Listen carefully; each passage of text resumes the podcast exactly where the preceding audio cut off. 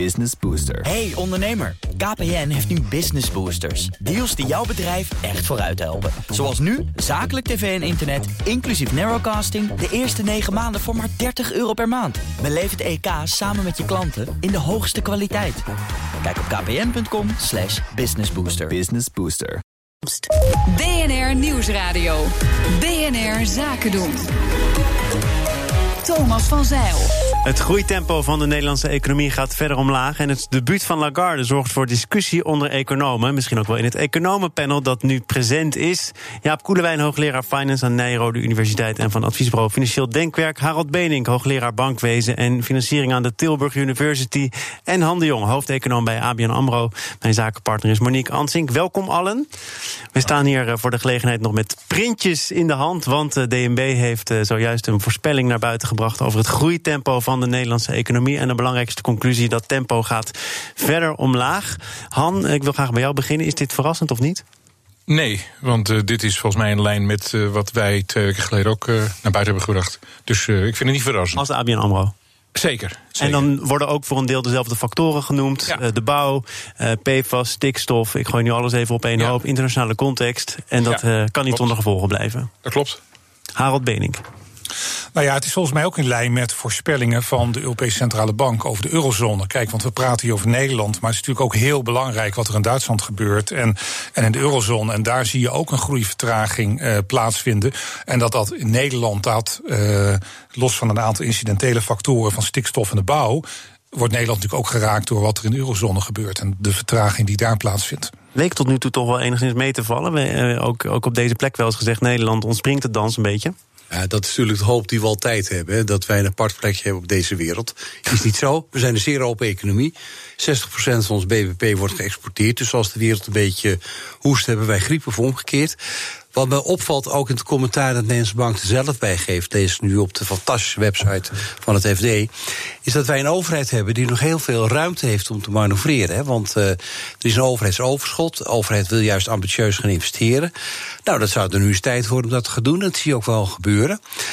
Uh, los daarvan, ook al gaat de economie trager groeien, dan zitten we nog wel steeds met forse problemen op de arbeidsmarkt. Ik las vanmorgen dat Alliander netwerken aanbieden van elektriciteit niet in staat is om de aansluiting te realiseren omdat er personeelstekorten zijn. Nou, als we het hebben over de zorg, politie, brandweer, onderwijs, allemaal personeelstekorten. Maar toch pleit jij voor uh, stimuleren van de economie? Nee, ik pleit daar waar het mogelijk is om mensen juist uh, bij te scholen, te herscholen en uh, terug te leiden naar de arbeidsmarkt. Want ik denk dat daar de oplossing aan moeten halen. Maar domweg geld en economie pompen, ongericht, leidt alleen tot meer fricties en knooppunten. En waar komt jouw vraag vandaan? Ben je daar dan ook bang voor, Han, dat er ongericht geld in de economie gepompt wordt? Daar ben ik ook bang voor. Ik vind dat er nu, uh, we hebben tien jaar monetair gestimuleerd zo ongeveer. En nu wordt er overal geroepen, oh, nu is het tijd dat we fiscaal gaan stimuleren. En ik vraag mij dus af, wat, heb je, wat denk je nou dat we voor de economie hebben... als je na tien jaar monetair stimuleren... nou ook nog eens een keertje uh, via de begroting wil gaan stimuleren. Het, het, lijkt mij ook in landen als Nederland totaal niet nodig. Met, want onze, weet je, onze groei, dat, dat zwakt wel wat af.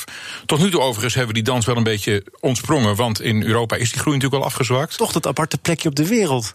Nou, ja, nou ja, nou, nou ja, en we hebben het de afgelopen, de afgelopen kwartalen eigenlijk best wel wat beter gedaan.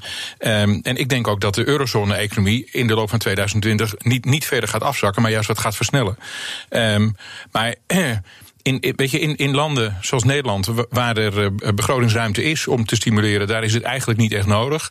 En in landen waar die ruimte er niet is, daar is het wel nodig, misschien. Maar er is wel de druk uh, gevoerd door Draghi en Lagarde ook al, hè, niet eens gek ja. lang geleden aangesteld. Ja, Die heeft nu ook alweer gezegd: Nederland, Duitsland, neem je verantwoordelijkheid. Nou ja, met zulke grote overschot op en de begroting en de lopende rekening is Nederland natuurlijk een beetje. Nee, is het tijd om, van Europa. Nee, is het tijd om naar het particuliere spaarsaldo te kijken, wat natuurlijk belachelijk groot is. Want het overheids, uh, overheidsoverschot is 1,5% BBP of zo. We hebben ons externe overschot is 8,5% BBP of 10%. Dus we hebben in de particuliere sector een bizar groot overschot. Het is tijd om daar eens naar te kijken. Harald. Ja, en uh, dus denk ik dat uh, uh, het niet zozeer gaat om het stimuleren van de economie. Maar het gaat denk ik met name wel om investeren. die enorme agenda die eraan komt over energie, klimaat, duurzaamheid, dat, uh, dat zal heel belangrijk worden, ook in Nederland. Dus ik zou zeggen, een investeringsplan waar natuurlijk al over gesproken wordt, zou, zou me heel goed lijken. Hè. Erik Wiebes, minister van Economische Zaken, had ook een groot interview in de Telegraaf, dacht ik, afgelopen zaterdag. Waarin hij eigenlijk zegt: de ideeën waar we over praten, over duurzaamheid, klimaat, maar ook de kenniseconomie, hè, dat Nederland aan uh, onderzoek en ontwikkeling systematisch 1% van het bruto nationaal product per jaar minder uitgeeft dan landen als uh, Duitsland, Finland, Singapore. Maar wel meer uh, dan de afgelopen jaren? Jawel, maar we zitten toch. Uh, het World Economic Forum heeft al er al 10, 15 jaar op dat we elk jaar 1 procentpunt minder uitgeven aan de kenniseconomie dan onze naaste concurrenten. Nou, dus investeren in al deze dingen is heel van, van groot belang, denk ik. Um, dan nog even ja, dat monetair beleid. Kijk, we praten hier over Nederland en de monetaire stimulus. En natuurlijk is die monetaire stimulus van de ECB niet op Nederland gericht. Maar ja, die eurozone bestaat natuurlijk uit 19 landen. Waarvan een aantal in een hele zwakke positie. En met hoge schulden. Dus dat, dat het beleid van Draghi. En nu met Christine Lagarde natuurlijk wel gericht is op te kijken voor die hele eurozone. En niet primair op wat er in Nederland en Duitsland gebeurt. Ligt natuurlijk ook voor de hand. Ja, ik, wat, wat ik wil, we, ja. Wat, wat natuurlijk wel een raar kantelpunt is. Is dat eigenlijk op dit moment onze hele economie en de economielessen zijn gebaseerd op schaarsheid. Geld was schaars, maar nu is geld eigenlijk niet meer schaars. Maar duurzaamheid is schaars. Dus de hele economiemodellen moeten we eigenlijk om gaan bouwen. Want ja, door die lage rentes is geld eigenlijk in overvloed. En uh, hoe gaan we dat nu investeren op de dingen die wel schaars zijn? Zoals de, he, een goed milieu en een planeet die we, die we moeten behouden voor onze kleinkinderen. Hoe zien jullie dat als economen? Nou, daar heb ik wel een opvatting over. Uh, wij spelen voor de grote vervuilers in deze wereld nog steeds voor Sinterklaas. Je mag CO2 uitstoten, stikstof, fijnstof, uh, autorijden. Het is allemaal nog steeds veel te goedkoop. Ja. Dus als wij willen investeren in een duurzame wereld, dan moeten degenen die de wereld nu vervuilen, het leven zuur gaan maken. Overigens, als jij zegt het is nog steeds veel te goedkoop, reken je dan ook de tax mee die eraan komt en die oploopt? Als die tax wordt doorgevoerd, en dan nog is het te weinig. Als de landen, hè, dat was ook dit weekend natuurlijk weer in uh, Madrid. Madrid aan de orde. Als er geen goede CO2-heffing komt, dan maak je het niet mogelijk om in duurzame energie te investeren. Maar dan zijn we het nu, nu nog met de economen dus wel eens dat we dus niet meer moeten gaan investeren in een monetair uh, beleid vanuit de ECB, maar ook niet vanuit uh, de overheid. Want dat gaat dus nergens toe leiden. Ik, ik, ga, ik ga toch even wijzen op een bepaald knopje. Als je dat indrukt, dan horen mensen niet ja, dat sorry. jij verkouden bent. Ja, nou, ik... het zit hier. Uh, Oké, okay, ja, dankjewel. Oh, hij is hier aan. Ja. Nee, maar er komt natuurlijk een duurzaamheidsagenda waar dan natuurlijk hè, in, in Nederland wordt dan gesproken door de ministers Hoekstra en Wiebes van zo'n fonds, wat volgend jaar gelanceerd gaat worden. Ja. En dat zal natuurlijk een privaat-publieke samenwerking worden, ook als het via de Europese investeringsbank gaat. Dus er moet natuurlijk massief uh, worden geïnvesteerd. Wat natuurlijk ook heel goed kan zijn, ook voor de concurrentiepositie van Nederland. Want ja. bijvoorbeeld omdat wij die delta. Uh, werken hebben gedaan na de watersnoodramp van 53, hebben wij natuurlijk daar ook bepaalde expertise op gebouwd. Dus ik denk dat er enorme mogelijkheden liggen. Dat heeft niks met monetair beleid te maken. Maar dat laat onverlet dat het monetair beleid waarschijnlijk nog heel lang heel ruim zal uh, blijven. Omdat we ja, toch te maken hebben met ook een aantal landen, waaronder Italië, in een hele precaire positie. Ja, dus als daar de rente weer naar normale uh, niveaus gaat, dan heb je waarschijnlijk direct een grote financiële crisis in het eurosysteem te pakken. Maar dus dat die, zijn wel Overigens net, uh, ik, ik wil toch nog even terug naar de Nederlandse economie, zo meteen Europa, want Lagarde die. Maakte ook haar debuut. Dus ik ben benieuwd wat jullie daarvan vonden. Um, en het overheidsbeleid. Er wordt gezegd, de overheid heeft nog wel reden, uh, ruimte om te manoeuvreren. ABN AMRO kwam, ik meen ik ook vorige week, met een, met een rapport, een onderzoek uit... waaruit uh, bleek dat die overheid reactief uh, reageert op belangrijke terreinen. Gaat het over stikstof, over PFAS. Dat remt ook de economie, dat remt het vertrouwen dat ondernemers hebben. Han, wat kan die overheid dan wel doen? Nou ja, weet je, ik denk dat die, die bijvoorbeeld die stikstofproblemen, dat, die kon je waarschijnlijk als overheid al, al ver van tevoren zien aankomen. En als je dan eigenlijk weinig doet en dan op het allerlaatste moment ingrijpt en, en een, een, een, een belangrijke sector in de economie deels stil gaat leggen, dat is natuurlijk buitengewoon, uh, dat is natuurlijk buitengewoon vervelend. Um, dus dat moet je vooral niet doen. Dus, dus weet je, um, uh, zie, zie vragen die, uh, die naar je toe komen zie die onder ogen op tijd en, en acteer dan. Ja, eh, nou is het natuurlijk wel zo dat waarschijnlijk die overheid de ruimte geboden heeft aan ondernemers om ze niet voor de voeten te lopen. Hè? Ik bedoel, je kunt Ja. ook eerder zeggen, boeren, het houdt Ja. hier op, of bouwers, hou daar rekening mee. Maar dan belemmer je het op dat moment. Weet je, oké, ik, ik, ik ben econoom, ik ben natuurlijk niet, niet een bioloog en, ik, en, en, en, en geen klimaatdeskundige, et cetera. Ehm, wat, wat in deze discussie nog wel eens is, wordt vergeten, is natuurlijk dat het niet zo is dat we er op deze aarde een, een, een rotzootje van hebben gemaakt. En dat we da- daar nu achter zijn gekomen en dat we nu pas wat willen gaan doen. Als je gaat kijken naar de luchtkwaliteit in Nederland, als je gaat kijken naar de waterkwaliteit in onze rivieren, die is de laatste 30, 40 jaar behoorlijk verbeterd. Heel fors verbeterd. Ehm, dus dus er, er zijn heel veel positieve ontwikkelingen. En als ik bijvoorbeeld naar zo'n PFAS-discussie kijk, ja, ehm, eh, ik heb daar weinig verstand, of helemaal geen verstand van. Dus ik ga dat opzoeken op, op, op internet. Dan blijkt dat er 4000 PFAS'en zijn of zo. Sommige dingen zijn al of niet te horen erbij. Dan gaan, stellen ze eerst een norm dat er 0,1 microgram per kilo grond, daar mag PFAS, eh, dat is de norm. Ehm, nou, dat blijkt dan een groot probleem. Dan gaan we die norm aanpassen. En nu is het ehm, nu is het 0,8 microgram per, per kilo grond. Denk van hoe is het mogelijk dat je, dat je een norm die je hebt gesteld, dat je die gaat verachtvoudigen. En, en kennelijk is, is dit dan ook, ook wel oké. Stel je voor dat we dat gaan doen met alcohol in het verkeer. Hè? Je mag anderhalf pilsje drinken, dan kun je nog misschien nog wel rijden. Zo, nou, dat is misschien wel wat krap. Weet je wat, 12 is ook goed. Daar, daar Weet je, voel ik zo lang zoiets- bij. Ja, dat gaat aantellen, ja. Twaalf iets, ja, doe ik, ja. Teken voor. Nou, nee hoor, daar moeten we niet voor tekenen. Maar, maar dat, dat roept natuurlijk wel de vraag op: van waar, waar kwam die 0,1 dan in hemelsnaam vandaan? Dat was de kleinste eenheid die we konden meten. Dus tot voor kort kon je alleen die tienvoudige maar meten. Maar op een gegeven moment konden we steeds beter meten. En dus is er gezegd, nou, dan moet het dat maar worden. Terwijl in de gemiddelde zandbak zit al vijf keer meer dan eh, de, zelfs nu de hoogste norm. Dus wij voeren hier een discussie die niet zozeer gebaseerd is op feiten, heb ik de indruk. Maar meer op overtuigingen, opvattingen. Nou, het lijkt wel het economenpanel. We gaan eh, door met het eh, tweede. BNR Nieuwsradio. BNR Zaken doen. Gast is het economenpanel bestaande uit Jaap Koelewijn, Harold Benink en Han de Jong. Mijn zakenpartner is Monique Hansink. En we gaan praten over het debuut van Christine Lagarde bij de ECB. Want dat heeft nogal het een en ander losgemaakt. Niet voor niets, want eh, ze sprak zich uit over haar rol de komende jaren als president van de ECB. En ze zei ook: duiven, haviken, daar heb ik weinig mee te maken. Ik ben een uil. Han, wat zou ze daarmee bedoelen? Nou, dat heeft ze ook uitgelegd. Want ze heeft eh, letterlijk gezegd dat een uil er onbekend staat dat hij een beetje wijsheid heeft. Eh, ik vond het wel grappig dat ze, eh, ik zou zeggen, een uil, dat is, staat model voor wijsheid. Maar zij voegde eraan toe een beetje wijsheid. Ja. Ik vond haar optreden fantastisch. Waarom? Het was, ze was heel ontspannen. Ze was zeer evenwichtig. Ze, het was duidelijk dat ze probeerde bruggen te slaan. Ehm, op vrij technische vragen. Ze is pas zes weken in functie of zo. Hè. Op vrij technische vragen gaf ze denk ik heel goed antwoord. Eh, de vicepresident zit er altijd naast. Die zit er eigenlijk altijd een beetje. Ja, dat is een beetje. Zou die nou, niks gek en bonen Oh, ja. zit hij er eigenlijk een beetje bij. Ehm, en ze, aan, in het begin van de persconferentie zei ze nog van... nou, als, als ik het niet weet, dan, dan weet eh, Louis het.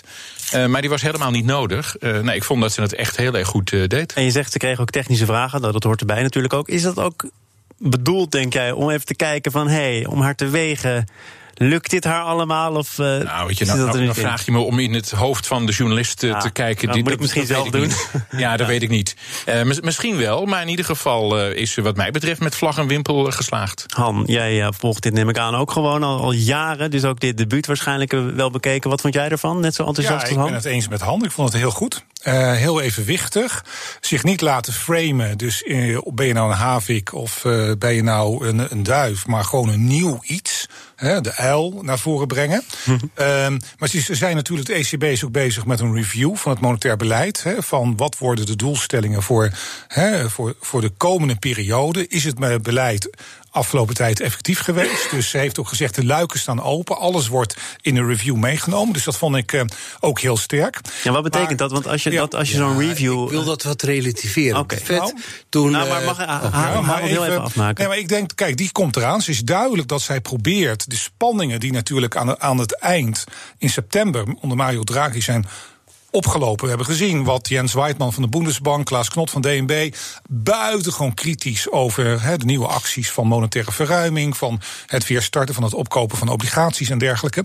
Zij probeert daar een andere manier, meer consensusgericht, denk ik, daar waar ze naartoe wil. Um, tot slot is ook wel een beetje wat ook in de internationale pers heb je wel, oh, in Nederlandse pers ook dat verhaal van is deze dame wel geschikt? Ze is geen econoom, ze is geen centrale bankier. Maar laten we wel wezen, als je minister van Financiën van Frankrijk bent geweest en je bent ook een jaar of zeven managing director, de baas van het Internationaal Monetair Fonds geweest, dan weet je natuurlijk echt wel van de hoed en de rand. Ze is bij heel veel van de Eurogroep meetings geweest toen de crisis waren. Maar dan hoeven we hier ook niet over te zeggen. Ze is pas zes weken in functie. want dan kun je zeggen, ze doet al jarenlang. Nee, maar deze vrouw is buitengewoon ervaren. Het idee dat ze er geen verstand van heeft en dat ze nu een ultralange ultralange uh, leercurve zal hebben om het vak te leren, dat is natuurlijk gewoon flauwekul. Ze is buitengewoon ervaren. Ja, op relativerende woorden. Ja, um, het verhaal van de luiken gaan open heb ik ook van Powell gehoord toen hij president van de Fed werd. Nou, hij zat een half jaar en toen kwam er een tweet van Trump: verlagen, jij. En dat deed hij vervolgens. Dus alle verhalen van we staan open, we gaan discussies aan. Dat is ook wel een beetje framen. Denk jij dat het in dit geval wel iets meer nou, inhoudt? Ja, kijk, want het is natuurlijk in die eurozone zit wat complexer in elkaar. Hè. De Verenigde Staten heeft natuurlijk één centrale bank, is maar één land. Wij zijn in de eurozone natuurlijk 19 lidstaten die verdeeld zijn. We hebben ook niet één Trump die dominant is. En de enige die misschien Trump is, die, eh, ja, die gaat uh, een soort Trump, die gaat de Europese Unie verlaten. Maar die zit ook niet in de eurozone. Dus ik denk dat dat meer ruimte voor debat gaat komen. Ik denk dat Duitsland en Nederland ook dat debat gaan voeren. En dat Lagarde dat ook niet zomaar kan negeren. Maar als je een, een review uh, doorvoert en uh, je gaat je eigen beleid doorlichten, dan doe je dat natuurlijk ook omdat je waarschijnlijk van tevoren wel weet, we gaan iets veranderen. Of kan het ook zo zijn dat ze hier uh, een, een gedachte-experiment van maken het komende jaar en dat ze tot de conclusie komen, nou, Han, zo gek doen we het allemaal niet. Nou ja, die conclusie is mogelijk, hè, maar ze heeft gewoon in de persconferentie aangegeven: luister, dit, eh, het, het verdrag stelt als mandaat prijsstabiliteit. En de, en de ECB heeft dat op een bepaalde manier ingevuld. Dat is de resultante geweest van een review die ze in 2003 hebben gedaan. Dus zij zegt: dit is nu 15, 16 jaar later. Het is niet zo gek om één keer in de 16 jaar eens goed naar jezelf te kijken en eens na te denken: wat willen we nou? Wat ze ook aangeven, dat vond ik wel interessant, is uh, hoeveel mensen ze er wel niet bij wil betrekken. Want ze wil eigenlijk, eigenlijk wil een soort brede maatschappelijke discussie starten. Want ze wil ook met politici en ze wil met burgers praten. Niet alleen maar met centrale bankiers en economen, dat, dat soort types. Um, dus ze wil dat heel breed trekken. Dat, dat maakt het naar mijn idee wel wat ingewikkeld. Um, uh, want, want heel veel mensen hebben natuurlijk toch eigenlijk weinig idee van monetair beleid. Maar, maar um, ja, ik denk toch wel dat de, dat de luiken er wel een beetje open gaan. En wat Jaap net zei over meneer Paul, dat, dat ja, ik ben het meestal met Jaap heel erg eens. Maar voor het eerst in twintig jaar zijn we dan een meesterschil. Ik heb nog een, uh, nog een vraag. Want uh, door dat monetaire beleid is natuurlijk de rentestand nu zo extreem laag. Uh, wij als ondernemers, misschien hebben we niet zo heel veel verstand van monetaire beleid, zoals u net zei. Maar we volgen natuurlijk wel op de voet, want het heeft effect voor onze bedrijven. Maar wij maken ons wel zorgen over de banken, ook over ABN. Want hoe lang gaat ABN dit nog volhouden met die lage rentestand? Als je het een beetje zo uitrekent, tot hoe ver komen ze? Wanneer gaat de ABN omvallen, zeg maar, op basis van deze lage nou, rentestand? Dat moet je niet hand vragen, die werkt bij de ABN. Dus ik zal de kooltje voor hem uit het vuur okay. halen. Uh, ook de ABN ontkomt een gegeven niet aan een negatieve rente in, voor de spaartegoed in rekening te gaan brengen. Op kredieten is natuurlijk zo dat je prijs vraagt voor je krediet. Die bestaat en uit de zuivere nominale rente, die zij moeten betalen om het geld in te kopen. Plus een risicopremie. Het risico dat u failliet gaat of ik failliet ga. Nou, dat uh, wordt steeds lager. En ik denk, je kunt nu als je goede debiteur bent al voor 2, 2,5% bij de bank lenen. Maar betekent nog steeds dat de bank daar een goede 200 uh, basispunten bruto marge op maakt. Nou, dan moeten de kosten voor kapitaal vanaf en van het inkomen, het hele apparaat. Maar de verwachting dat de ABN AMRO om gaat vallen, vind ik wel heel erg uh, nou, uh, Heb je een goede woordvoerder of wil je er iets aan toevoegen aan? Nou, weet je, kijk, de, de nou, het is wel een zorg. We hebben, het verdienmodel. Wij hebben echt wel een zorg. En als ondernemers kijken we naar ABN en ING, die zijn denk ik dan toch het eerste aan de beurt. Dus uh, nou, ja. Kijk, dat is natuurlijk waar. Het verdienmodel van banken naar de toekomst toe, ook met, ook met uh, allerlei technologische ontwikkelingen, dat is natuurlijk een, een punt, van, ja, een punt, punt van, van aandacht.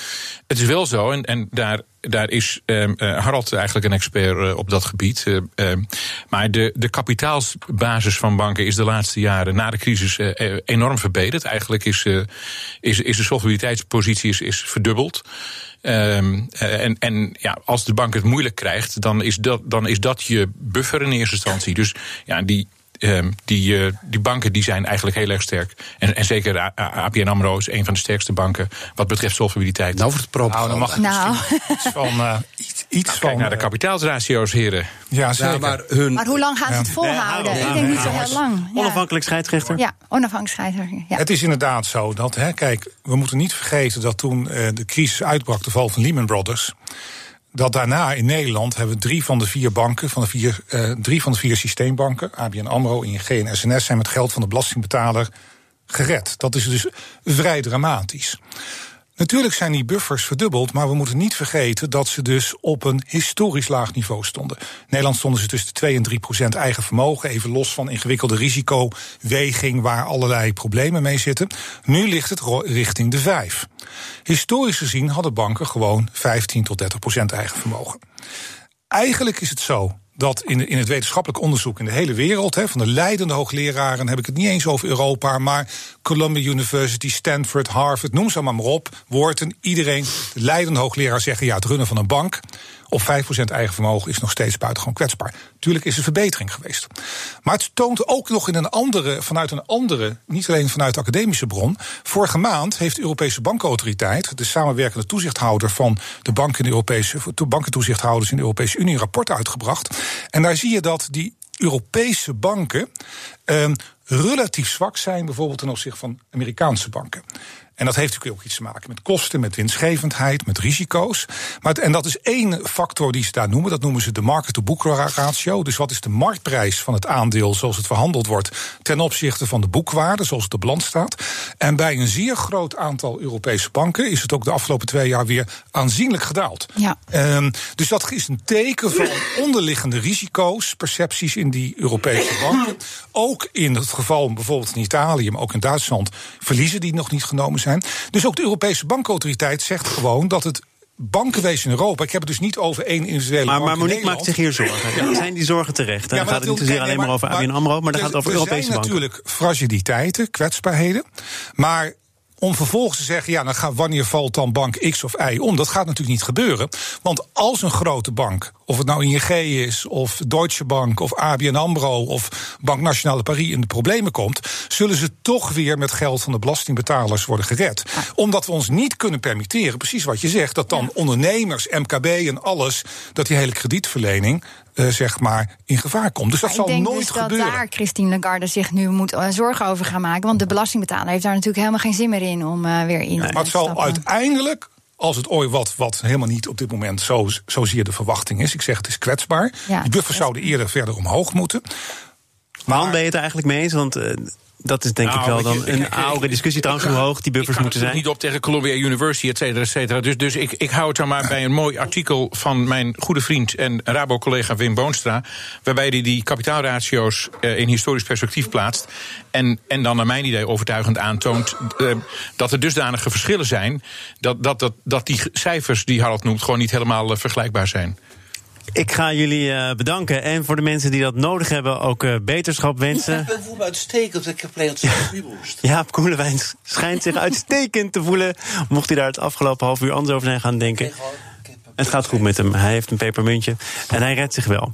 Dat geldt ook voor Han de Jong. Jij gaat eh, vanaf volgend jaar verder als zelfstandig econoom. Je hebt mij net een boekje gegeven waarin je in een glazen bol kijkt. Ja, Nog even, aangezien we toch in de propagandasfeer zitten. Hoe heet je bedrijf?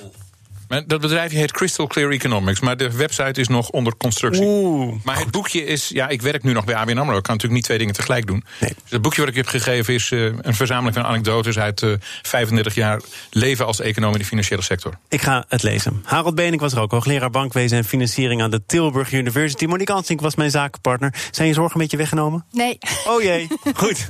Nou, morgen dan eh, is er in ieder geval wel weer een nieuwe uitzending van BNR Zaken doen. Dan met Dimitri Jokarini van Olympia. Ja, hij was de uitzendkracht. Hij werd mede-eigenaar van dat uitzendconcern en maakt dit jaar zijn debuut in de Quote 500. Morgen meer in BNR Zaken doen. Zometeen eerst Nieuwsroom, onze dagelijkse podcast van het FD en BNR. Veel plezier, tot morgen. Business Booster. Hey ondernemer, KPN heeft nu Business Boosters. Deals die jouw bedrijf echt vooruit helpen. Zoals nu, zakelijk tv en internet, inclusief narrowcasting... de eerste 9 maanden voor maar 30 euro per maand. Beleef het EK samen met je klanten in de hoogste kwaliteit.